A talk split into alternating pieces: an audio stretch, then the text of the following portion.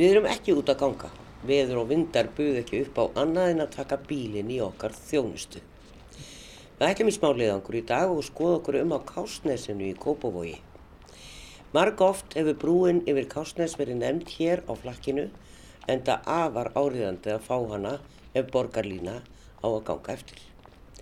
Við kannum stöðumála varandi brúna. Dagni Bjarnandóttir, landslagsarkitekt á samt samstarfsfélögum, unnu norræna hugmyndasamkeppni fyrir fjórum til fimm árum síðan.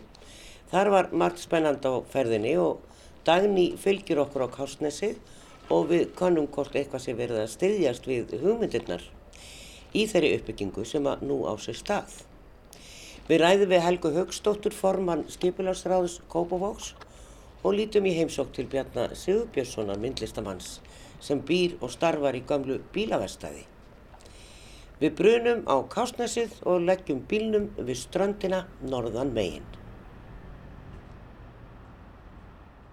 Já, það var ákveðið að fara á Kásnesið sem að er sko aldeilis að byggjast og það er kannski ekkert skrítið þegar tengingin kemur hérna frá Nautólsvík, Fossvóksbrúin, Kásnesbrúin, það er eftir hverju með þú býrð, hvað fólk kallar þessa brú.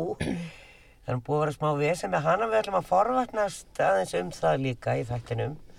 En byrjum hérna í Kásnesinu sem að ég hef svo sem farið áður og fjallað um en nú er búið að byggja hérna heilt hverfi sem að reyndar var búið að skipulegja þegar Dani Bjarnadóttir og fleiri reyndar komu að því í samkjafni að gera hér nýtt skipula á Kásnesi. Við ætlum að líta aðeins á hvernig þau mál standa og svo, uh, já, svona þreyf okkur áfram fara aðeins í heimsóknir og heyra aðeins í yfirvöldum hér í Kópavogi. En við byrjum, við erum inn í bíl, það er háaða rók og leðunda viður og, og ekki teglega hægt að standa úti núna. En við sjáum þetta hér, við erum hérna horfum beint yfir á háskólan í Reykjavík sem að virðist hann er gríða stór hérðan mannum finnst hann ekkert svo stór þegar maður kemur að hann í Nautalsvík og hérna sjáum við framundan tangana það sem að brúin á að fara yfir og þetta er náttúrulega bara dæni þegar þessi brú kemur Já, þá ertu bara komin já, inn í miðbæri nánast. það er þannig sko.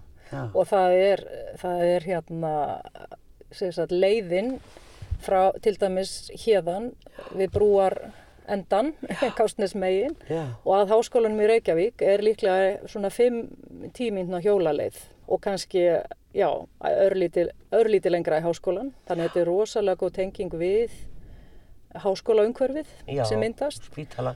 Og þetta er bara í 20 mínúna ratjúastnum frá miðbæri Reykjavíkur sem er alveg beautiful sko. Og ég held að fólk fatt ekki alveg hvað Kársnesi, þessi endi er nálagt miðju Reykjavíkur og, þessi, og verðmætin sem verða til þegar þessi brú kemur. Já. Hér er riðsið þetta svaka blokkakverfi, þetta kannski minnir einna helst á bryggjukverfi nema þetta er svona gistnara. Já. og þetta er svona svolítið svipuðum litum hér, þetta er svona jarðarlitir á öllum húsunum hvítt, rústrautt og grátt, brúnt. Og alltaf álklæðningar, það er alveg bara, það er alltaf byggt hús í dæmum að sé álklætt. En uh, smekla blokkir með svona uh, klærum svölum og, og hér er flutt inn í allt. Uh, kannski ekki skrítið að búið að vera húsnæðiskortur og þetta er alltaf frábært útsinn hérna. Já, alveg. Þú ser bara beint út á flóan ef það væri léttskíða þá sæður hérna já, Snæfellsjökul hérna út, já, út já. eftir. Það er frábært. En það er svolítið mikið af, af malbyggi hérna. Já, það er það. Já. Það er doldið mikið, bílinn er kannski soldið frekur hérna í, en þó er nú eitthvað verið að vinna með, sýnist mér græna miðjur hérna inni við húsin. En svo langar mér svolítið kannski að benda á eitt sem við vorum svo mikið að vinna með í okkar tillögu. Það var þetta aðgengið að sjónum.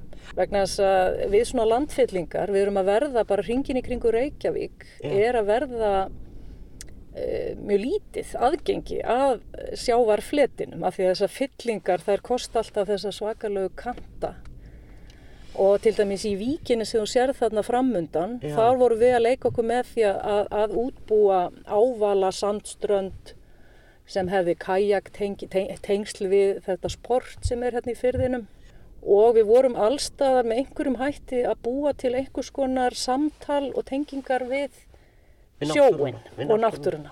Og í rauninni vorum við að lengja líka strandlengjuna með því að búa til kanalbyggð þarna hinum einn á, á móti vestri. Þetta Og svona- er náttúrulega þessar, þessar uppfyllingar, þær eru náttúrulega svona grjótgarðar eins og við sjáum Já, hér já. og, og það er ekkert að fara niður að sjó. Nei, það er málið. Og þetta er, og þetta er eiginlega, sko, þú ert ánum svo aftengdur náttúrunni. Þú sérð valla flóð og fjör munin.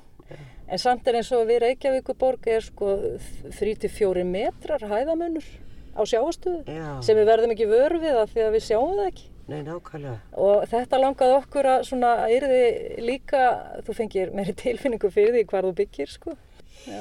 En taland um Malbygg og bíla, Mhm. maður horfir á þarna, þennan tanga og þetta er ekki dvoðalega löng brú en þokkalega alveg. Jú, hún er alveg, hvað, Já. 270 metrar ef ég man það rétt, Já. þó sé nú ekki góð í að munna tölur. Nei, Og það að við stungum upp á því að hafa sundlaugina þarna mið, miðsvegar á brúnni. brúnni. Já, var líka, sko, kannski getur þetta verið eitthvað annað ef menn vil ekki í sundlaug, en málið er það að okkur fannst bara að þurfa að brjóta upp þessa löngu leið og þarna væri svona tækifæri til að búa til eitthvað aðdráttarafl á miðri brúnni. Ég var svolítið spælt að, í sko, aðalskipulagsbreytingunni með brúnni skildi allavega ekki verið gert ráð fyrir einhvers konar byggingu, eða eitthvað gæti gerst á brúnni. Ég held það sé bara, og eins og það, það sem við vorum að leika okkur með var auðvitað þessi sundkúltúr sem er hérna í Nautólsvík og að, og að þú getur bara sint hérna út í Allandshafið sko og hérna í heitu vatni samt já, já. og við leikum okkur nú meiri sem með það að maður gæti sint á milli sko laugarinnar og, og ílstrandarinnar. Þeim hefur sjálfsagt Og- svolítið, flippað í kópavóinum og, og mörgum öðrum öruglega en, en það er alltaf það er svona geggjað að verður líka að vera pláss fyrir. Ef einhver fjárfestir, einhver sem að sér potensial í þessu, fyrir ekki í sletti, já. þá gæti þetta mannvirki borga stóran hluta brunni. Það var líka sjónamið. já, það er ekki við að tóllar það bara farið í sund Já. og borgaði fyrir það. og sá aðili er búinn að, þú veist, borga Já. hluta. Já, já, já. Það er reyndar verið að hanna hérna e, Sky Lagoon já. e, hér í fyrðinu nú kannski að þess að kíkja á hvert það er komið. Ég veit að það er verið að byggja það Já. og þar er eiginlega verið að búa til náttúru. Þarna er nú náttúran bara fyrir framann okkur. Það er alltaf verið að búa til eitthvað Já. sem að við höfum svo fyrir augunum. Eða er bara látið kyrkt liggja og fáum bara að njóta þess eins og það er. Já. En að því að vorum að tala um Melbygg og bíla Já, og þegar maður horfir hérna yfir og þetta, þessi brú er ætluð hjóli og já, Sko, hversu hörð heldur að pressan verði fyrir alla þessa bíla sem hér eru að þurfu ekki að fara allt kásnesið og út á uh, Hafnarfjörðavegin eða Kringlumýrabrautina Reykjavíkuvegin já, sem að heitir öllum þeim nöfnum þarna. E, og geta bara skondrast hérna yfir til Reykjavíkur margir vinna sjálfsagt í bænum jú. en einmitt. Kópavóður er stór, margir vinna í Kópavói Já, akkurat. Já, Jú, ég, maður er pínu hrættur við þessa pressu en ég Já. vona að menn standi í lappirna með þetta því að þannig er ákvara tækifæri til þess að breyta ferðahegðun fólks. Og þú situr hérna með bílinn þinn og þú veist að trafíki, hvernig trafíkin er hinum einn. Æ, ég tek bara lestina, ég er enga stund. Skilur að það sé, stundum þarf líka að verða ómulegt að nota bílinn, svo þú breytir um ferðahegðun. Og ég held að marga borgir raun, raun, rauninni eru bara að skapa þær aðstæður. Alveg svo kaupmannar gerði, þeir bara, þeir, það var bara ákvörðun, pólitísk ákvörðun. Bílinn á ekki að vera inn í miðbæ kaupmannarafnar. Og þeir tóku bílastæðin og breyttu um í torg og hvert torgið eftir öðru fylltist það fólki. Og fólk velur bara, þú veist, ég nenni ekki að fara til hvers að fara á bílnum þegar það er ómulegt. Það sem gerist alltaf sko, líka já. kannski í köpen á sínu tíma, já því ég var nú hann ung stelpa á líðháskóla, akkurat á sem, í byrjun eh, áttu áratagverðins og þá er ólíukreppa og e, það var hreinlega bara skamtað bensíni. Já, já, já, og það var settir luxustollar á bíla akkurat. þannig að það var bara doldið mikið mála að eignast bíl. Já, en almenningssamgöngunar voru byggðar upp já, og fólk gat farið með strætó og lestum og hjóla náttúrulega í þessu flatlendi. Já, akkurat. hjóla um all land þess vegna. En e, og, og einhvern veginn fór þetta bara inn í kúltúrin og þeir sem búa í borgum í Danmörku eru ekkert endilega að pæla í að eiga bíl. Nei, bara er bíl og þú vilt þarft að nota bíl. Já, já, já. Og ég held að þetta sko, við erum rosalega svona, náttúrulega gjötna á nota bílinn bara sem kápu já, og hérna, og ég held að, að það þetta tekur smá tíma kannski að breyta þarna hugsunahættinum og talandi um flatlendi, þú ert með alveg marflatt svæði hérna til þess að hjóla Já. frá til dæmis Kársnesi og nýri bæ, Já. það er bara engin brekka. Menn segja þetta sé fjandskapur uh, gagvart bílnum, ég, það er engin að leggja niður engabílinn, fólk kemur til með að eiga engabíl og keira um á þeim, en þetta kannski minkar umferð og, Já. og margir kjósa bara að fara í strætó. Já, vini mínir í, í Danmörku til dæmis, þeir, þeir eiga kannski bíl, einn fjölskyldubíl, það er ekki tveir og þrýr og fjórir eins og þessum heimilum hérna í, í okkar kúltúr og hann er bara notaður alveg mínimal. Það far allir í lestum eða hjólum til vinnu og í allu daglögu svona, Amstri. já, og svo þarf þetta að fara og gera eitthvað stæ- stærra eða meira eða fara lengra og þá kannski grýpur bílinn. Dæni við tölum um þá sínu tíma þegar við hittumst, ég held ég að verið 2015 að 16, að e, þá spurði ég þig hversu mikið heldur það verði farið eftir þessu, þessari vinningstillögu e, og þú svona hristir hausin og sagði ég, ég veit það ekki. Og ég veit að búið að breyta eins í þessu deiliskepilag, ég veit ekki hvað er komið langt. Við erum hér í hluta sem að væri utan ykkar skipulags, eigum við að fara og skoða? Já, gerum það. gerum. Við staldrum aðeins við hér og lítum í stutta heimsókn. Góðan. Þú ert mætt. Síðast þegar við vorum á Kásnesinu þá fórum við í heimsókn til Bjarnar Sigurssonar myndlistamanns. Hann býr hér á Kásnesbrautinni í gamlu bílaverstaði og búinn að breyta þessu í húsnæði og ég lísti þessu nú þá alveg. Þetta er indislegt að koma hérna inn, hvað eru, fimm metrar upp í loft? Já, fjórið metrar. Já, þetta er alveg frábært, stóri gluggar og hann málar nú gætnan á svona plexigler og hér eru alveg rísa verk sem að skipta íbúðinni frá lofti og niður á gólf. Já. Vinnustofan er síðan hérna við hlýðina en það er ennþá bílavestæði hérna niðri sem er líkt út reynda núna. En pappiðin var með vestæði. Já, hann var með vextaði á neðri hæðinni aðalega og svo var eitthvað starfsemi hér áður en ég fór að Já, taka þetta yfir sem vinnustofu og og íbúð. íbúð. Þú mátt búa hérna. Ég má búa hérna, ég, þegar ég gerði íbúðuna hérna þá fekk ég leifi til þess þannig að, að það er íbúðaleifi á sagt íbúðapartin Já, já. þessum helming. Það er fínt, en sko, það var svolítið gaman að koma upp úr þessu nýja hverfi hérna sem er bara risið hérna á, á tveimur árum, eitthvað svoleiðis. Já. Og koma hér inn í, á Kásnæsbrautuna sem þú býrð og allt hérna var bara komin inn í gamla Kópavók. Hérna, gam, gamla, Gamla ja, Kásnesið. gamla, gamla vesturbæinn. Já, já, já. En e, það er alveg ótrúlega mikið að byggjast hérna í bara. Já, og, og náttúrulega verið sjálfsagt mikil umferð tengt því hérna framhjá stórum bílum eða hvað keira þeir hérna fyrir neðan Þeir keira aðalega hérna fyrir neðan, Já. ég hef ekkert, ég finn ekkert eitthvað rosalega mikið fyrir því, sko. nei, Hef ekkert fundið neitt svakalega mikið fyrir þessu. nei, Nema þegar þeir voru að sprengja klöppina hérna. Ég veit ekki hvað það heitir hérna, það sem, ég held að það séu arkís sem eru arkitektarnir af því. Já, Það sem að er kvika hérna, var með og já, al- já, allt það já. vesen, sko, hotni hérna. akkurat Að öðru leiti finn ég ekkert fyrir þessu. og það er náttúrulega komið hérna sem sagt norðamegin við þig bara niður við á fyll- fyllingunni Já, þar er komið stórt blokkakvarfi Já, já. e, svona, e, þú ert nú alveg upp hérna í Kópavogi og svona þetta er þitt svæði Hva, hvað finnst þér um þessa uppbyggingu hérna? Veist, mér finnst þetta bara fínt sko, bara partur af einhverju þróun. Auðvitað virkar þetta svolítið mikið miða við bæinn hérna, litla bæinn hérna fyrir ofan. Svona stærðin á húsunum og svona sko, en ég menna bara þróun er þróun. Við vorum nú að rósa því svolítið, ég og Dagný allavega hérna það sem Arkís er að teikna, þetta er, þetta er ekki nema fjórar hæðir, eitt og eitt hús er fimm hæðir.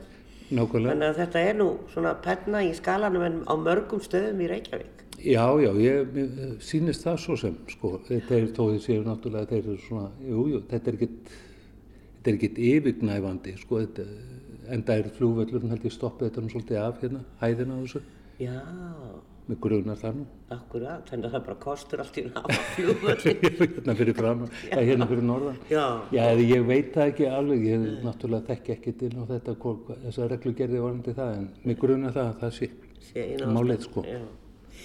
Það er verið að byggja hérna uh, Já, sem er mikill sundstaður sem að, já, með heitum lögum og, og spa og öllu þessu fínir í. já, já. Hvernig líst þér á það? Er þetta ekki ljómandi? Menn koma hérna, geta, svo þegar brúin kemur, geta flóið hérna úr sveitónum eða utan að landi og gett sér liftara eða sjávarútveðskræður hérna fyrir neðan og farið svo í spa og eftir. Já, Eða hestakerru hérna hjá Svenna við hliðina og eitthvað svo já, Já, ég held að það sé bara ljómandi. Gett svo í gegnum stúdentagarðana sem að vera hérna eða hvað það á að vera, ég veit það ekki. Nú er búið að láta váflóðina sem er Já, já. og við vorum einmitt að ræða það ég og Dani að það var nú sniðut kannski að setja stúd- stúdentagarða akkurat þar og þá lóð. Já, ég, ég held að það væri, hefði verið hugmyndin með hotnúsið hérna, sem að var það ekki kvika sem byrjaði á að byggja það. Eða einhvern tíman uh, skildist mér það, það hefði átt að vera svona litlar íbúður fyrir stúdenta, en ég veit ekki, stef ekki hugmyndu það. Nei, það er náttúrulega er að koma strætó hérna yfir. Hvernig líst þér á það? Mér finnst þetta bara hjól? ljómandi, sko, já, já. Mér finnst það, já, ég, mér þætti bara gaman að sjá þess að brú, bara alvöru brú, bara með bílum og öllu draslega. Já, þú vilt hafa hana með bílum. Já, ég vil Já. bara hafa þetta allt svona. En þá náttúrulega þvingur við kannski ekki fólk til þess að fara að nota strætó. Nei, nei, þú veist, ég veit það ekki, ég það er bara að fá svona einhverja þingrás í umferðina. Ég skip, myndi nú ekki skipta með neinu máli. En mynduðu þá ekki fá alveg svakalega mikla gegn, gegnum keislu hérna? Já, hún er hvort það er á kostnarsbreytinni, sko. Þannig að Ég veit ekki hvað það skiptir, hvort að það skiptir einhverju máli. Þetta verður svona eins og hérna, Brooklyn Manhattan, sko. Ég er bara, þú veist, bara fínt. Fínt að blanda þessu meðnaði og íbúðum saman. Já. Það eru náttúrulega mörg rísastól fyrirtæki. Já, já, einmitt. Mjög stór. Rótgróin svolítið og Já, og þau, þau eru ekkert að fara. Nei, nei, akkur ættu þau líka að fara þannig. Sko, við erum alltaf hér hjá þér og vinnustofan hérna við séðina og þú uh, ert að mála hér og vinna hér Já, dag já, með já, námskeið, já, hald já. og eitt og annað. En þú lettir í, uh, já, hjartavesenni. Já, og- pínu já. allar komin á Það það. breytti svolítið. Þannig að þú ert eiginlega svona búin að vera svolítið, ef við má kalla það innanhúsarkitektúr, að þú ert að nota núna Innhólsið. myndirnar sem þú teknar af þér Já, meðan þú ert að fara í gegnum allar þessar rannsóknir og ert að nota það í myndlistin. já, já ég, ætla, ég er að nota það í myndlistina. Ég er sem sagt að, að nota röntgenmyndirnar og skoða, þetta er spennandi hlutir, sko. Þetta er eitthvað svona, þetta er þú sjálfur sem að þú þekkir ekki neitt eða veist ekkert um einhvern veginn, sko. Þetta er ekki það sem hún sér í morgnana. Nei, þetta er ekki það sem hún sér í spekli og, og þannig að það vakti svolítið fyrir mér og þetta tengir svolítið inn á það, það sem ég hef verið að gera áður í myndlist sko. Þannig ég, svona, já, ég hef verið að mála út frá þessum röntgenmyndum Já. og ég var með litla sýningu hérna, ég er með smá sýningarými hérna á vinnustofunni og við köllum það þrýr veggir, svona galleri hálfgert eða svona sýningarými og ég var með smá sýningu það sem, sem ég kallaði innlit í Gollurhúsið sem er þá eins og inn, að vera eins og innanhúsarkitekt af sjálfur sér. Nákvæmlega, ég sagði það. eitthvað, eitthvað, eitthvað, slíkt. Já. já, það er nú svona hugmyndin sko. og svo var- ég að hugsa um að, að er planið að gera síðan stærri verk út frá þessu og það er nú og kom, kom svona alls konar pælingar varðandi þetta sko vitund og líkama og, og innra, ytra og allt, allt slíkt sko, Já. sem er kannski svolítið langt mál að fara Já, Í- út í þú nú- hefur sem sagt, má kannski segja að þú hafir svona það hefur bæst eitthvað í líf þitt við að lenda í þessari ömulegu reynslu í já, rauninni. já, já, svona bara svolítið skoldið, já. Já, og svona stekka það í Já, svolítið. já, já, eða bara, þú veist, já, ok, hvað, já, hvað er maður sjálfur, sko? Eitthvað svo leys.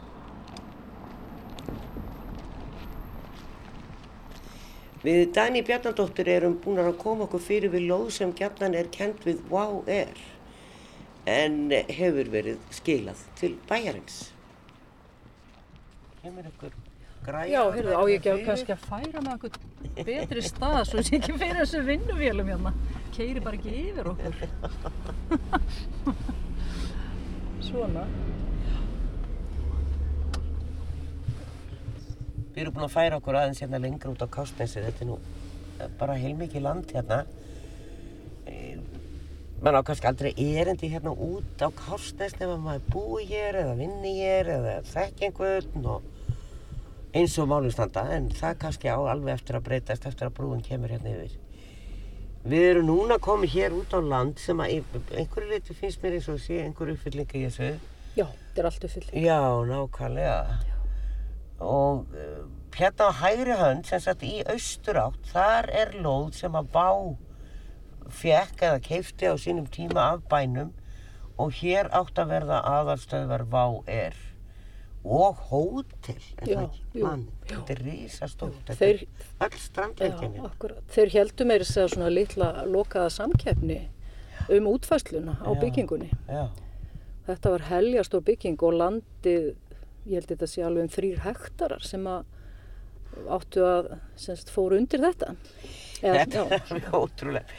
En svona breytast nú tímarnir Já, og við vitum að það er búið að breyta þessu deiliskypulagi heilmikið sem að þið gerðu. Já, við gerðum aldrei deiliskypulag. Þetta var Já, þannig að þetta varð aldrei neitt bindandi skipulag eins og, eins og við gerðum sko. Hér hins er á vinstri hönd í vestur átt. Þar er alveg fjöldin allir á krönum og gröfum og bílum og allt á fullu. Þar er verið að byggja þetta Sky Lagoon sem að verður gríðarstórt. Þau vilja spara sig aðeins þau sem er að skipilegja þetta. Og, uh, en það er verið að hanna þetta, það er verið að byggja þetta og þetta verður gríðarstórt. Já. En margir setja spurningamerki við að vera að byggja lagún eða byggja eitthvað svona náttúru uh, í staðin fyrir að finna bara svæði þar sem að náttúran Mhm. bara hjálpa til með þetta. Það má kannski Já. minnast á bláa lónið en, en það er náttúrulega samt Já. sem áður, þar er náttúrulega byggt heilmikið land líka en það er verið að nýta hraunin. Hér er þetta hins vegar Tark arkitektastofa sem er að vinna þetta og það er eitthvað smá myndband, maður getur skoðað þetta inn á, inn á netinu, það er smá myndband og þannig eru svona torfbæir og, veit ég ekki hvort að útværslan verður Nei. svona, þetta er náttúrulega bara einhver hugmynd þarna í byrjun. akkurat, já. Mitt svekkelsi er náttúrulega pínlítið að menn skildi ekki bara fatta það að sundlaugin á brúnni hefði geta verið nákvæmlega þetta. Og þessi fjárfestar hefði geta eitt peningunum í það. Já, það og það hefði verið uník. Já. Það hefði verið að nota eitthvað sem er uník á í fyrðinum, eða Já. í fásvóinum, Já. réttar sagt. Og, og hérna leika sér með opið hafið, skilur, ég já, vildi óska þess að þessi fjárfestar hefði bara hoppað á þann vagn. já, En ég verða að viðkynna, ég hef ekki séð sko endanlegar útfæslur á þessu. En eh, svona samkvæmt myndböndum þarna sem var ykkur frétt, ég man ekki hvað hún var gömul. hún var nú bara frá þessu ári. 2019 held ég. Nei, Eða 2020 tvö- var það í júní. 2020, já. Já, já, Já. þannig að hún er ekki svo gömul en þau Já. vildi allavega fannst ekki tímabart að ræða þetta strax þannig að við skulum bara taka það af dagskrá. Já, já. Nei, þetta er allavega stendur til að byggja þetta hér. já, já. En það hefur kannski verið með sundlaugina út í, í fossvóginum. Mhm. Það er spurning um veður. Við erum alltaf að tala um veður í Íslandingarum. Við viljum vera í góðu veðri. já, já. Og, og það er spurning um hvernig viðrar á fossvógsbrúnni í sundi. Þú geta valið sko hvort þú vilt vera hvoru megin sko í lauginni, inn í vógin eða hitt. Já. Ég held reyndar að, að við, veðrið okkar sé stórkostlega vannmetin auðlind, vondaveðrið. Því að þú veist, útlendingar sem koma hérna og fara bara í sundlugarnar okkar í frosti og slagveðri, sko, þetta er upplifun. Já. Þetta gerur hvergi í heiminum annar staðar. Bara ekki veðri eins og við erum í dag. Við erum í rigningar, sutta og róki og lítið skegni. Þetta er svona, eh, við kannski forðust að fara í laugarnar í svona veðri þó að Íslandingan gerir það nú bara alla Já, daga. En eh, ég veit það, útlendingum finnst þetta bara alltaf spennandi að að fara í heita sundlug. í slagveðri, já, Já. einmitt. Já, já. Við skulum akkurat. skoða næst það sem að þið voru að hugsa um smábátahöfn og svona torg og, og svona svolítið upplifunarsvæði, Já, söfn og list og, og, og, jafnveg náttúrusöfn og eitt og annað, skulum rúla þangað. Ok. Það er hérna sem sagt sunnan megin. Mhm. Núna erum við eiginlega, já, núna erum við eiginlega norðan megin, norðvestan megin, en þá er það svona svolítið í suðrátt. Já, jú, jú. Passar. En hvað eru skipulags yfirvöldi Kópavogi að hugsa? Er verið að nota eitthvað af þeim hugmyndu sem að Dagný segir frá? Við heilsum upp á formann skipulagsráðs Kópavogs. Já, við erum svona búin að vera að tala svolítið um hugmyndafræði því að Dani Bjarnadóttir sem við höfum verið að ræða við, hún var náttúrulega í þessu teimi sem að var að koma með og vann þessa hugmyndasamkeppni um hvað væri mögulegt á Kásnesinu. Síðan er búið að byggja heilan helling hérna, sumt innan þessa ramma sem þau voru að vinna og, og sumt utan hans, sérstaklega það sem er norðamegin á Kásnesinu, það var utan þessa skipulags eins og komið fram og það er nú eiginlega bara allir fluttir inn og allt tilbúið bara svona meira og minna þó að eins er verið að byggja svona út með ströndinni. En við vorum að sakna svolítið þess að geta komist að sjónum, við erum náttúrulega uppfyllingu og þetta er náttúrulega að gerast allstað það verið að fylla upp og þá kemst maður ekkert að sjónum, maður, maður sér ekki þegar það er flóðum, maður sér ekki þegar það er fjara og, og það er bara grótgarðar og maður kemst ekki niður. Við erum komin heim til Helgu Hugstóttur, hún er formaður skiplagsráðs hér í Kópavogi. Eh, við vorum náttúrulega að skoða okkur um þannig að náttúrulega vorum að forða um válóðina og hvað verður nú þar, við vitum að búið skila henni og og sömulegis þetta skælagún sem að verður mikil framkvæmt. En við vorum að velta líka fyrir okkur hvað, hvað er mikið búið að rýfa. Það er náttúrulega svo ótrúlega mikið af fyrirtækjum á mörgum mjög stöndugum stórum fyrirtækjum. E, þið eru ekkert að riðja þeim út, ger ég ráð fyrir. Nei, hugmyndin, það er ekki hugmyndafræðin á bakvið kásnesið. Það er, hugmyndafræðin er að þetta sé blandað. Uh, en það er alveg rétt, það hefur náttúrulega verið rifið svolítið af húsnið þarna. Uh, en það fer svona að koma að lókum þess og það er þróunarsvæði alveg vestast sem á eftir að, að deiliskipilegja bara við smábátahöfnuna uh, og það er í vinslu núna. En svo held ég að byrja kannski bara svolítið annar fasi þar sem að menn kannski nýta þá byggingarnar sem eru fyrir Uh, og það þarf náttúrulega varðveita hverfisbræin, þetta er mjög, þetta er mjög fallegt hverfi kásnesið og mjög gróið og það þarf að passa upp á þá hluti líka, halda í, í sjarman. Þessar stóru skemmur, þetta er mikið stálgrinda hús sem eru þarna og eins og ég segi, þetta eru stöndu og mikil fyrirtæki kannski að selja vinnuvélar eða eitthvað, þurfa mikið rými. En, en svo eru náttúrulega gömul húsana sem eru í niðurníslu og hafa verið í mörg mörg ár það, það var margi verið að búa hann í leifisleisi gegnum tíðina, erlendir verkamenn. En ég sá að það voru þá eitthvað af þessum eldri húsum sem eru íbúðarhús og þau svona litla blokkir.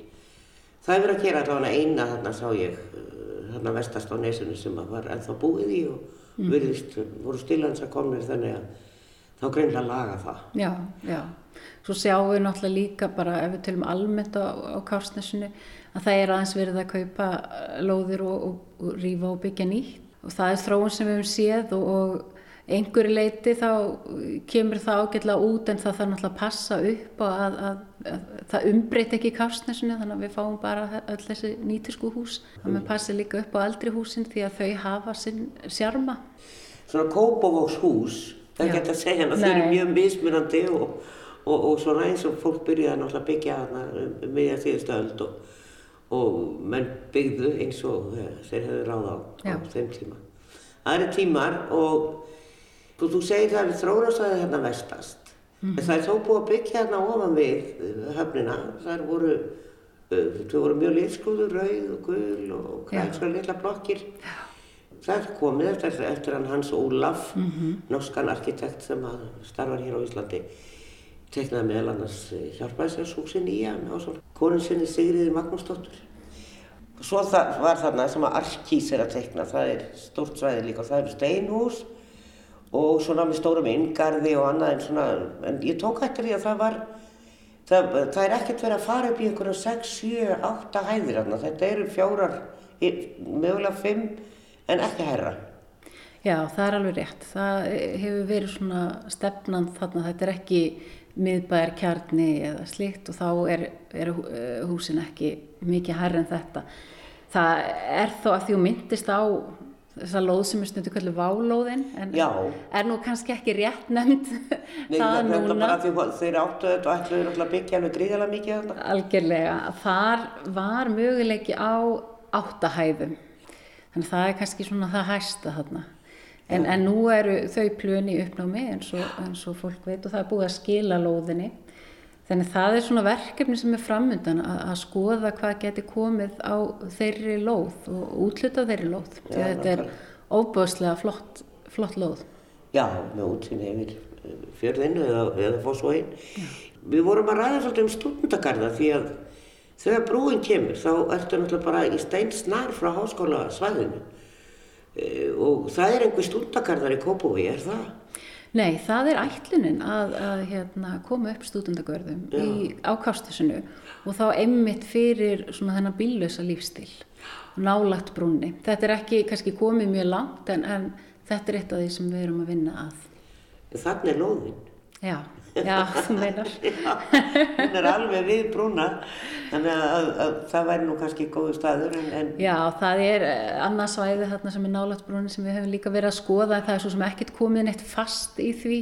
Nei, En, en, lóðin kannski dýrari þessi af því að hún er, stendur þar sem hún er já, og það er þetta sæli hana dýrara og byggja eitthvað annað.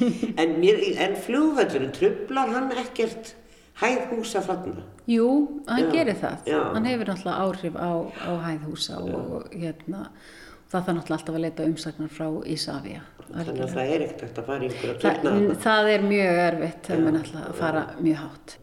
En af því að vorum að tala svolítið um strandlengjuna og þetta er reyndar, eins og ég segi, þetta er að gerast við og það er verið að fylla upp og nú að mögulega að gera þetta í skerjafyrðinum að setja við fyllingu þar sem að eh, reyndar hefur eitthvað verið mótmælt út af þessu að náttúrustrendurnar eru að hverfa úr borgarlandinu. Og, eh, og náttúrulega bara höfuborgarsvæðinu, það eru uppfyllingar náttúrulega sjálandskverfið og, og, og þarna, Kársnesi er náttúrulega uppfylling. Já, En er einhver stað strand, ég var bara að veltaði fyrir mig þarna vestast, sko, á þessu þróunarsvæði og annað, er, er náttúru strand á Kársnesinu? já, þetta er náttúrulega eins og segir, þetta er að miklu hluta landfylling. En svo erum við begja megin við náttúrulega með leirur, þá erum við með náttúrulega strönd og kópáðsleirurnar, þetta er náttúrulega, við erum að tala um friðlýst svæði hérna, þannig að, að það er, það er, þar eru svona náttúrulegar strendur en, en annars er þetta mikið til uppfylling og svo svæði sem þarf að verja fyrir ágangi sjávar. En það er gert uh, ráð fyrir, ég sá ekki, veit ekki hvort þið fórið þar, þar sem að litla höfnin er, þar sem að hérna, Skemmtisiglingarnar Já, skemmtisiglingarnar eru. Já, sem er nána megin á nesinu. Þar kemur svona smá strönd kannski, ég veit ekki hvort sé þetta kalla það. En, en þetta er, eins og ég segi, þetta er alveg rétt, það eru þarna aðalega, þetta er hlaðið og en svo eins og ég segi, við erum með þessa leirur begja megin við, þessi strandir begja megin við. Nú var það svo að, að þó að þetta hafi verið vinningstilega þessi hugmyndasamkeppni sem að Dagný Bjarnadóttir er eina höfundunum e, og það var ekkert leita til þeirra meir, þetta var svona bara verið að sína möguleika en þetta var norræn keppni og, og þau unnu þetta. E, hafið eitthvað stuðist við þeirra, af því hún var svolítið skemmtilega mörguleitu, hún var svolítið vilt, alltaf með sundlega brunni og, og, og bíllösa eigu og í hináttina og, brú út á Áltanes. E, og síðan var margt annað einmitt í kringum bátahöfnina sem var mjög spennandi. Hafið þið eitthvað stuðst við þessa hugmyndafinu? Alltaf einhverju leiti að þá er stuðst við þessa hugmyndafræði og það ef ég skilða rétt er hluta því af hverju þessi til að var valin að það væri hægt að, nota hana sem grunn, það þyrfti ekki að útfæra hana nákvæmlega eins og hún stæði. Nei. En þetta væri góður hugmyndafræðilegu grunnur og meðal annars þegar að uh, ný, uh, þegar brúin kemur yfir fósfóin að, að þá verður auðveldara að hérna, vera í uh, bíllausum lífstil eða nota engabílinn minna, Já. vera í, með aðra samgöngumáta, gangandi eða hjólandi eða almenningssamgöngur. Þannig að það er svona líka svolítið í samræmi við þessa hugmyndafræði og að byggðin sé þétt þarna vestast. Mm. Eh, en eh, svona, já, ég myndi segja að þetta væri kannski grunnurinn undir þessari, þessari hugmyndafræði. Þannig að það hefur verið lítið til hennar. Já, ég veit, ég veit ekki betur, þannig að margt af þessu skipilagt áður en ég kom að skipilagsmálum, en þegar maður skoðar tilhugun og skoðar svo það sem hefur verið framkvæmt, þá finnst mér grunnþráðurinn vera þarna. En engin sundlu á brúnni. En það var svolítið skemmtilega hugmynd. En Baðalón, Já, já, baðlónu upp á Já. Sem að verður reyndar, eins og ég segi, það verður byggt og við fáum að heyra meira af því síðar.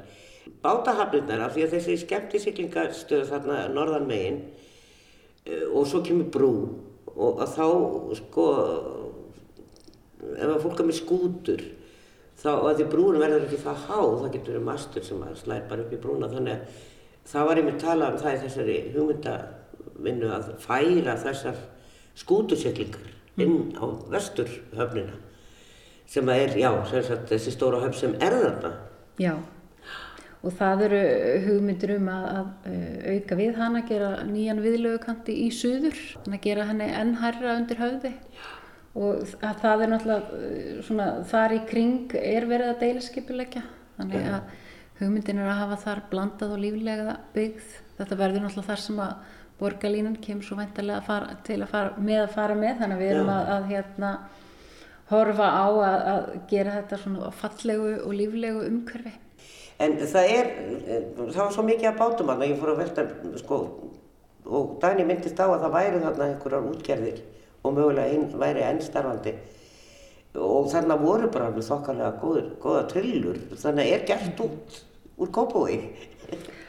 Já, ég er svo sem þekki þetta ekki alveg, ég skal bara viðkjanna það. Ég veit að Fjórum það, tonnum í kópúi, ég hef bara aldrei hirt þetta. nei, ég, hérna, ég veit svo sem að það hefur, ég veit ekki hvort það sé enn uh, starfsemi þarna í húsinu við, ég veit ekki hvort það löpuð þar, Já. hjá uh, höfninni, sem er svona, eða var allavega einhver fiskvinnsla, ég áttum ekki alveg á hvort að hún sé ennþá við nei, lífið eða ekki.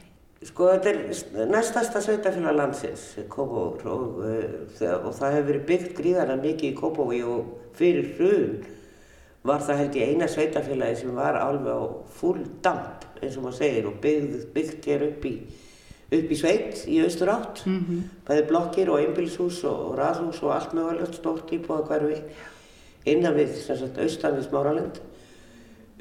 Núna er verið að þjætta þarna, það er verið að þjætta í kringum Hamraborg og verið að gera nýtt skipulag fyrir Hamraborg. Svo heyri ég um einhverja glaðheima sem að ég hugsa að byrja hvað erum við komin upp í heima. En, en þannig að það er, er ennþá nóga landi í Kópavogi að byggja. Þetta er mjög góð spurning. Eh, Það er það sem við kallum heimalandið, eh, það er svona smá, smá saman að klárast. Það er glaðheimarnir, það er það sem hesthúsakverfið var, Já. gamla, Já, já. svo áttu þið á.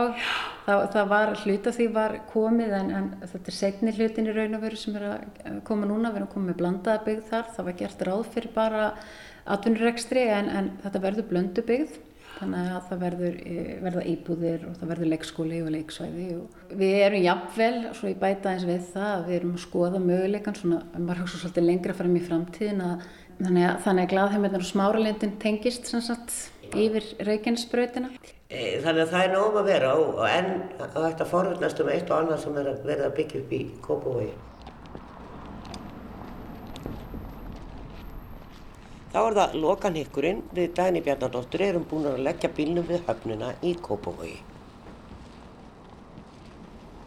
Já, við erum komið hér nýra höfnin í Kópavogi. Það er svolítið margir sem segja höfnin í Kópavogi. Já, það er höfn hérna og hún er búin að vera hér bara í langa, langa tíma.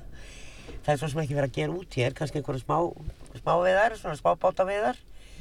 E, en við erum semst á bryggju, bryggjunni hérna núna, horfum hérna yfir og sjáum e, og þar með snýr vesturáttin hér í bakið á okkur, horfum hérna upp og yfir hérna höfnina og á móti eru hús sem er voru hérna þegar við skoðum hérna síðast. Þannig þetta eru svona bustahús, tveimur hæðum, skúrar niðri, alveg hægt að búa uppi.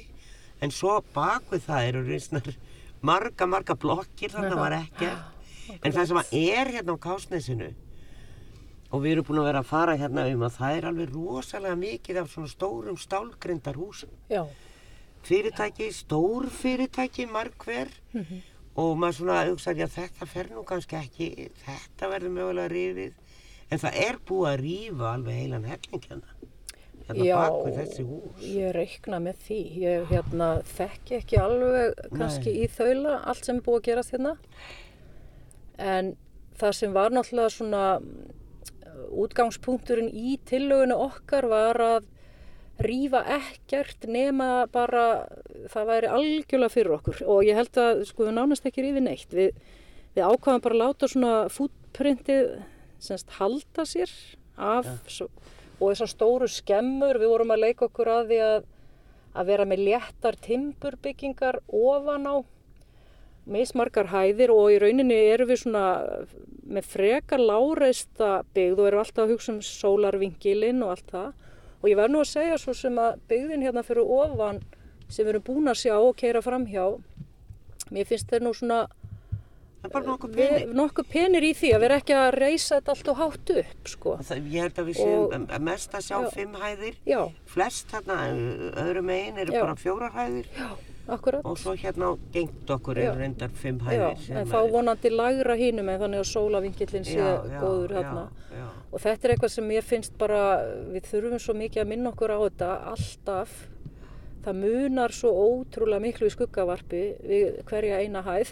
Hvort þú ferðu fjórum í fimm og fimm í sex og, hérna, og hvaða möguleika þú ert þá að skemma. Það, að því það er að byggja þétt en láreist og fá jafn mikla nýting út úr því. Þetta er ekki alltaf... En það er svolítið gaman þessi, okkur fannst svo mikill karakter í þessum húsum hérna, burstahúsunum með skúrunum niðri og smábóta stemmingunum sem er hérna og þetta er einhver skjólbesta höfn bara held ég á, ég held ég geti fullirt á Stórreykjavíkusvæðinu því það er nú ekki margar hafnir. Já, já. Allavega mun skýtlega en höfnin í Reykjavík og sennilega hafnafyrir líka. Af því að brekkan, hún skýlir svo vel og það, ég held að hafa bara nánast aldrei orðið tjón á, á bátum inn í þessari smábátahöfn. Sæði mér hafnastjóri hér þegar við vorum að kynna okkur svæðið. En það er, Og- sko, það er smábótahöfn þarna uh, norðamegin Já, og svo hér. Og Já, heilmikið hin- af bátum hérna. já, höfnin hinum einn er svona skemmti bátahöfn. Siglingaklúpur og við lögðum einmitt til að til þess að þurfa ekki að vera með brýr sem væru opnanlegar að þessi smábátöfn er við færð og við færðum og vorum að byggja eiginlega höfn sikkurum einn við brýtnar og þú sem var inn í fyrðinum hún var eiginlega meira fyrir svona kajak siglingar og, og kennslu siglingar fyrir börn sem er mikið stundað í Fossvogi. En svo væru skútuna með þessum háum östrum, þau væru utan við brúarstæðið. Þannig að, Já, það var ekki neitt vesen með það. já, þannig að það er ekki vissin. já, en já, þetta hérna, mér langaði að segja þér hérna með þetta bustabæjar húsin, við vorum nefnilega svona skiptum þessu hafnasvæði upp í það sem við köllum svona uh, báta og veiðimanna stemmingu og bættum við nokkrum húsum svona í þessum dúr samt aðeins herri með íbúðum uppi en svona vinnumöguleika niðri, svona skúrmöguleika til þess að vera að vinna að ditta bátum og þess að þar og vildum svona styrkja þessa svona veiði stemmingu. Það voru tvær fiskvinnslur starfandi á Kásnesi þegar við tókum þátt í samkefninni og önnur er þarna hinum einn, ég held að hún sé nú enn í gangi. Þú Já. sér þarna græna byggingu þarna front þarna hinum einn og þar langaði okkur að vera, þú veist, tengja veitingastaði við vinnsluna og sjá, þú veist, einhvern veginn allt ferlið, veiðin að koma á land og svo veist, það var einhver svona romantík sem okkur langaði að vinna með og halda í svona þessa stemmingu sem er hérna sem er bara gaman og röldum að sjá sem utanakomandi. Þetta er Og- allt saman grjótgarðar hérna, þetta er, þetta er náttúrulega uppfylling, Já. greinlega. Já. Og, og maður veginn, maður hugsa, betur, hvar er ströndin í Kópavogi? Er hún bara hver, hvergi Já. til lengur?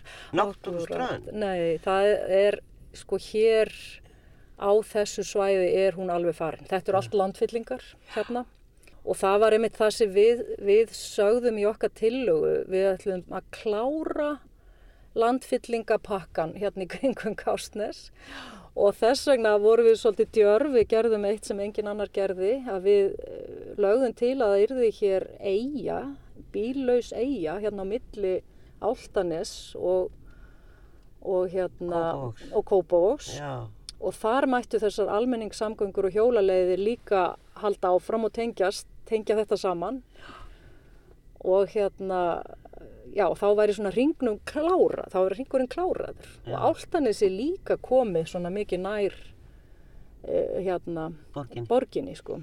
Stórmerkilegt. Það er, þetta er djörf og skemmtileg Já. hugmyndavinna sem þarna hefur verið í gangi.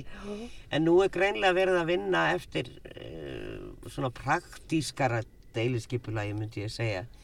En kannski ekki, því að Nei. það er náttúrulega mikil sóun í því að vera alltaf að rífa eitthvað. og, og, og svona kannski ekki skoða alla möguleikan onni kjöluna á þennum farið þeirra stað. Nei. En hér er náttúrulega Kópavóksbúar hafi verið að byggja alveg í austur átt eins og við vitum inn í kvörfin og allt þarna upp eftir. Já, Núna eru þeir að þjætta byggðina hérna niður á Kásnesi og já, þetta er náttúrulega meira sendalt í Kópavogi líka hérna þessi hverfi. já.